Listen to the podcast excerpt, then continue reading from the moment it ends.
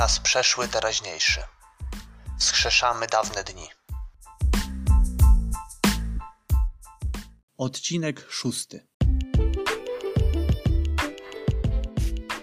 Czy za 10 lat będziesz mógł, mogła przenieść się w czasie do teraźniejszości? Tak, oczywiście. I taki wehikuł możesz sobie samodzielnie stworzyć. Takim wehikułem może być regularnie prowadzony dziennik, w którym będziesz spisywać swoje przeżycia i przemyślenia. W tym odcinku usłyszysz też o zapomnianej sztuce pisania listów. Pisanie listów może wnieść magię do naszej codzienności. Zapraszam do wysłuchania tego odcinka.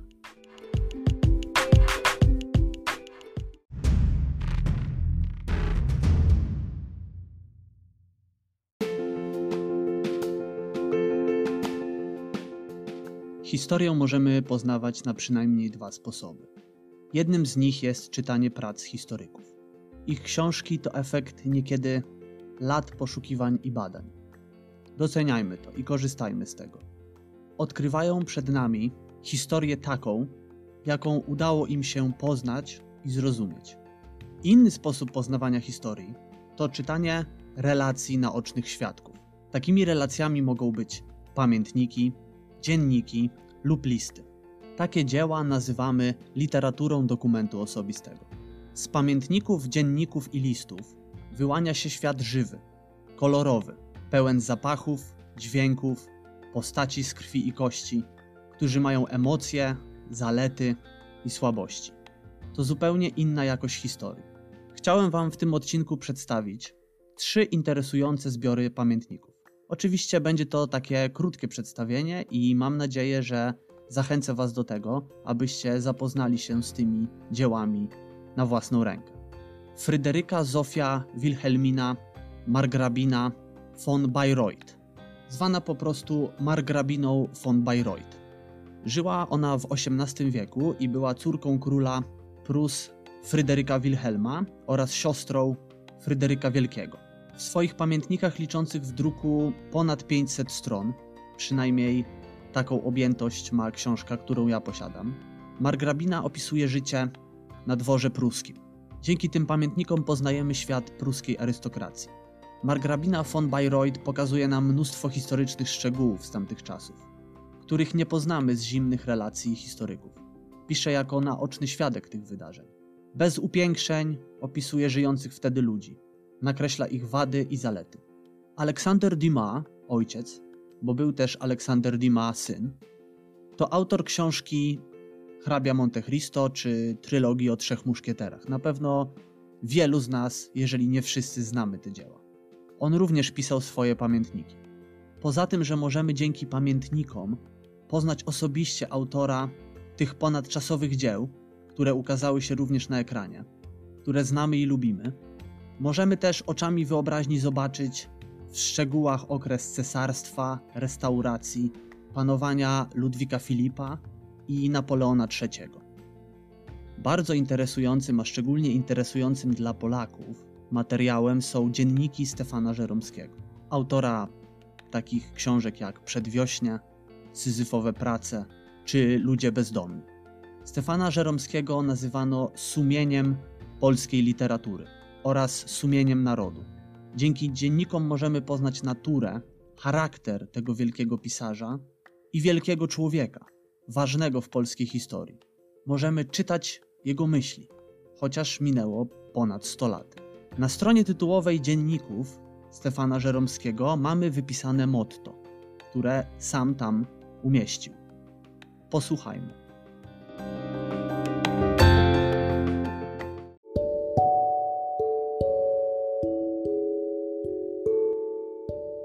Dzienniczek taki będzie jakby stróżem każdego kroku. Będzie rozwijał myśl i kiedyś, w starości, przedstawi obfity materiał do zaczerpnięcia i przypomnienia tysiąca faktów z szczęśliwych lat młodości.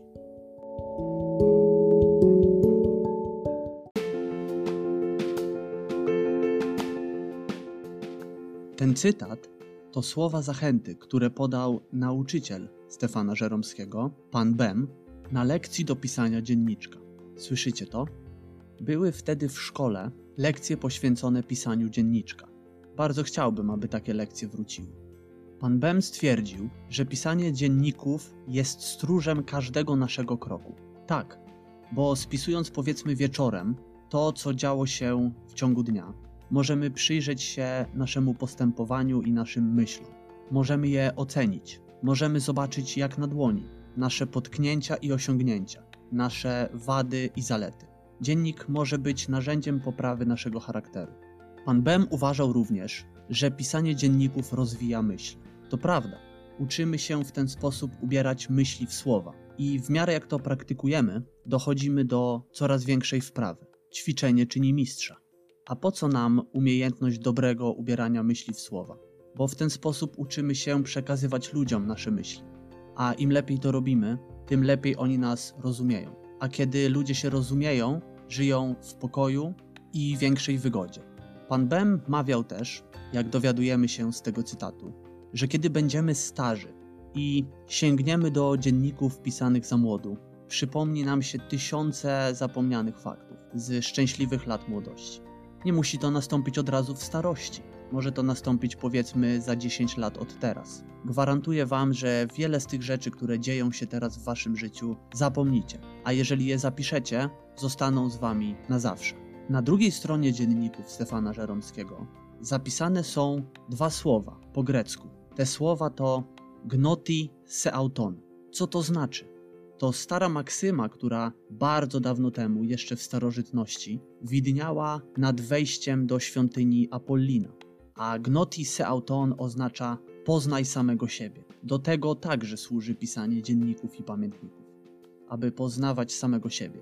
Pół godziny dziennie spędzone w mediach społecznościowych, spędzone na przeglądaniu zdjęć znajomych z wakacji, zabawnych memów, żartów, nic nie wznoszących do życia dyskusji, to 3,5 godziny w ciągu tygodnia. I uwaga, 180 godzin rocznie. 180 godzin. Tyle poświęcasz na pracę, na pełny etat w ciągu całego miesiąca. To miesiąc spędzony w Twojej pracy. A niektórzy spędzają w mediach społecznościowych znacznie, znacznie więcej. Ten czas możesz poświęcić na pisanie pamiętników i zapewnić sobie niezapomniane wspomnienia na przyszłość. Dawniej ludzie pisali pamiętniki, bo mieli dużo więcej czasu do zagospodarowania. A było tak, ponieważ nie było złodziei czasu. My mamy wielu takich złodziei. Ale dla nas jest szansa. Jak to? zapytasz. Ano, szansa na to, by poczuć satysfakcję z tego, że udało ci się zrezygnować z jednej rzeczy na rzecz drugiej, lepszej. Ludzie dawnych czasów być może pisali pamiętniki i dzienniki z nudów, dla zabicia czasu. Ty możesz pisać po to, aby zanotować niepowtarzalne wspomnienie. Tak, wyobraź sobie, że za 10 lat będziesz mógł wrócić do swoich dzisiejszych myśli, do myśli, które snujesz teraz. Będziesz mógł sobie przypomnieć rzeczy, które teraz przeżywasz. Będziesz mógł przywołać doświadczenia. To jest wspaniałe uczucie. A wiem to, bo miałem okazję to przeżyć niejednokrotnie. Mam swój własny dziennik sprzed 10 lat.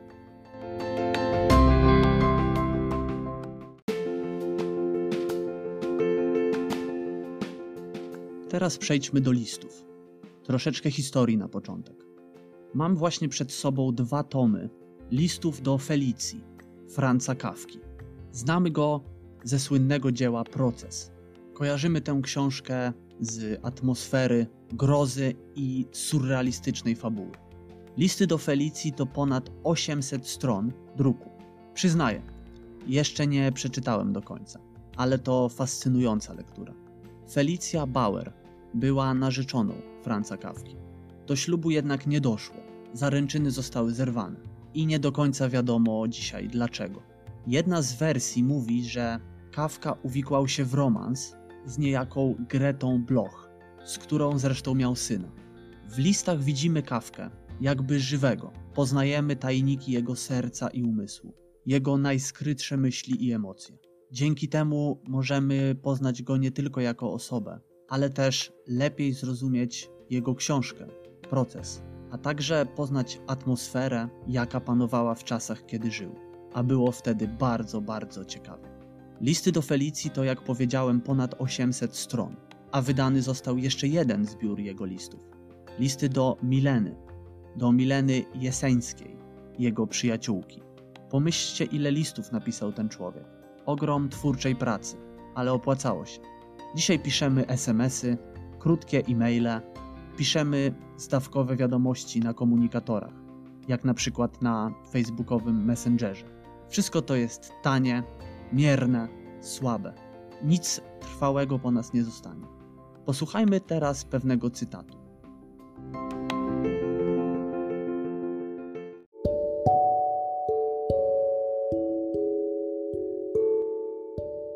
Świat listu został roztrzaskany przez telefon.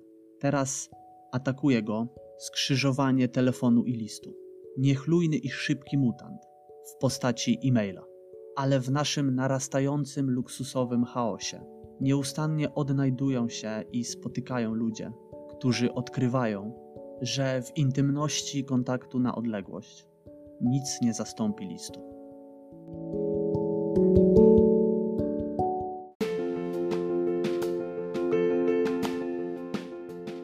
Autorem tych słów jest Tomasz Jastrun, a te słowa pojawiły się w felietonie Wielkie jedzenie listów, opublikowanym w czasopiśmie Polityka 26 września 1998 roku, czyli w ubiegłym wieku, uwierzcie lub nie. Pan Tomasz Jastrun mówi nam o płytkości e-maili. To było w roku 1998, 20 lat temu.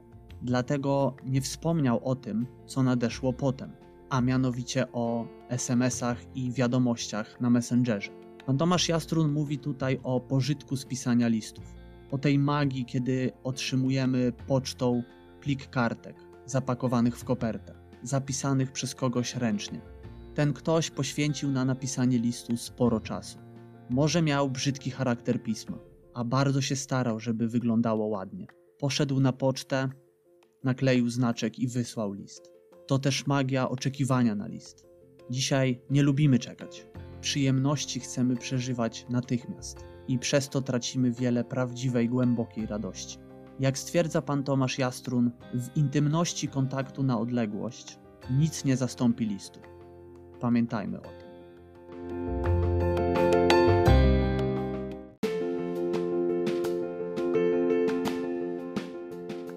W tym odcinku chciałem Was zachęcić do powrotu, do dawnych i zapomnianych zwyczajów, do pisania dzienników lub pamiętników i do pisania i wysyłania sobie listów. To coś, co warto wskrzesić w dzisiejszym świecie. Warto przywrócić starą magię w świecie szybkości i elektroniki. Dziękuję Wam za wysłuchanie tego odcinka. Oczekujcie następnych już niedługo. Bywajcie.